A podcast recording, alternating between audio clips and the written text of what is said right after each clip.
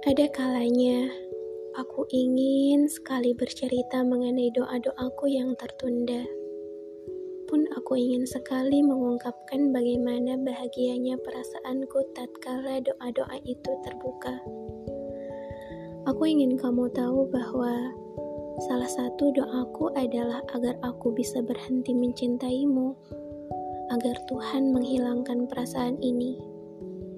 Aku ingat Aku ingat sekali di malam-malam yang sangat berat itu. Aku selalu terbangun tiba-tiba, dihantui perasaan yang tak hentinya menyesakkan dada.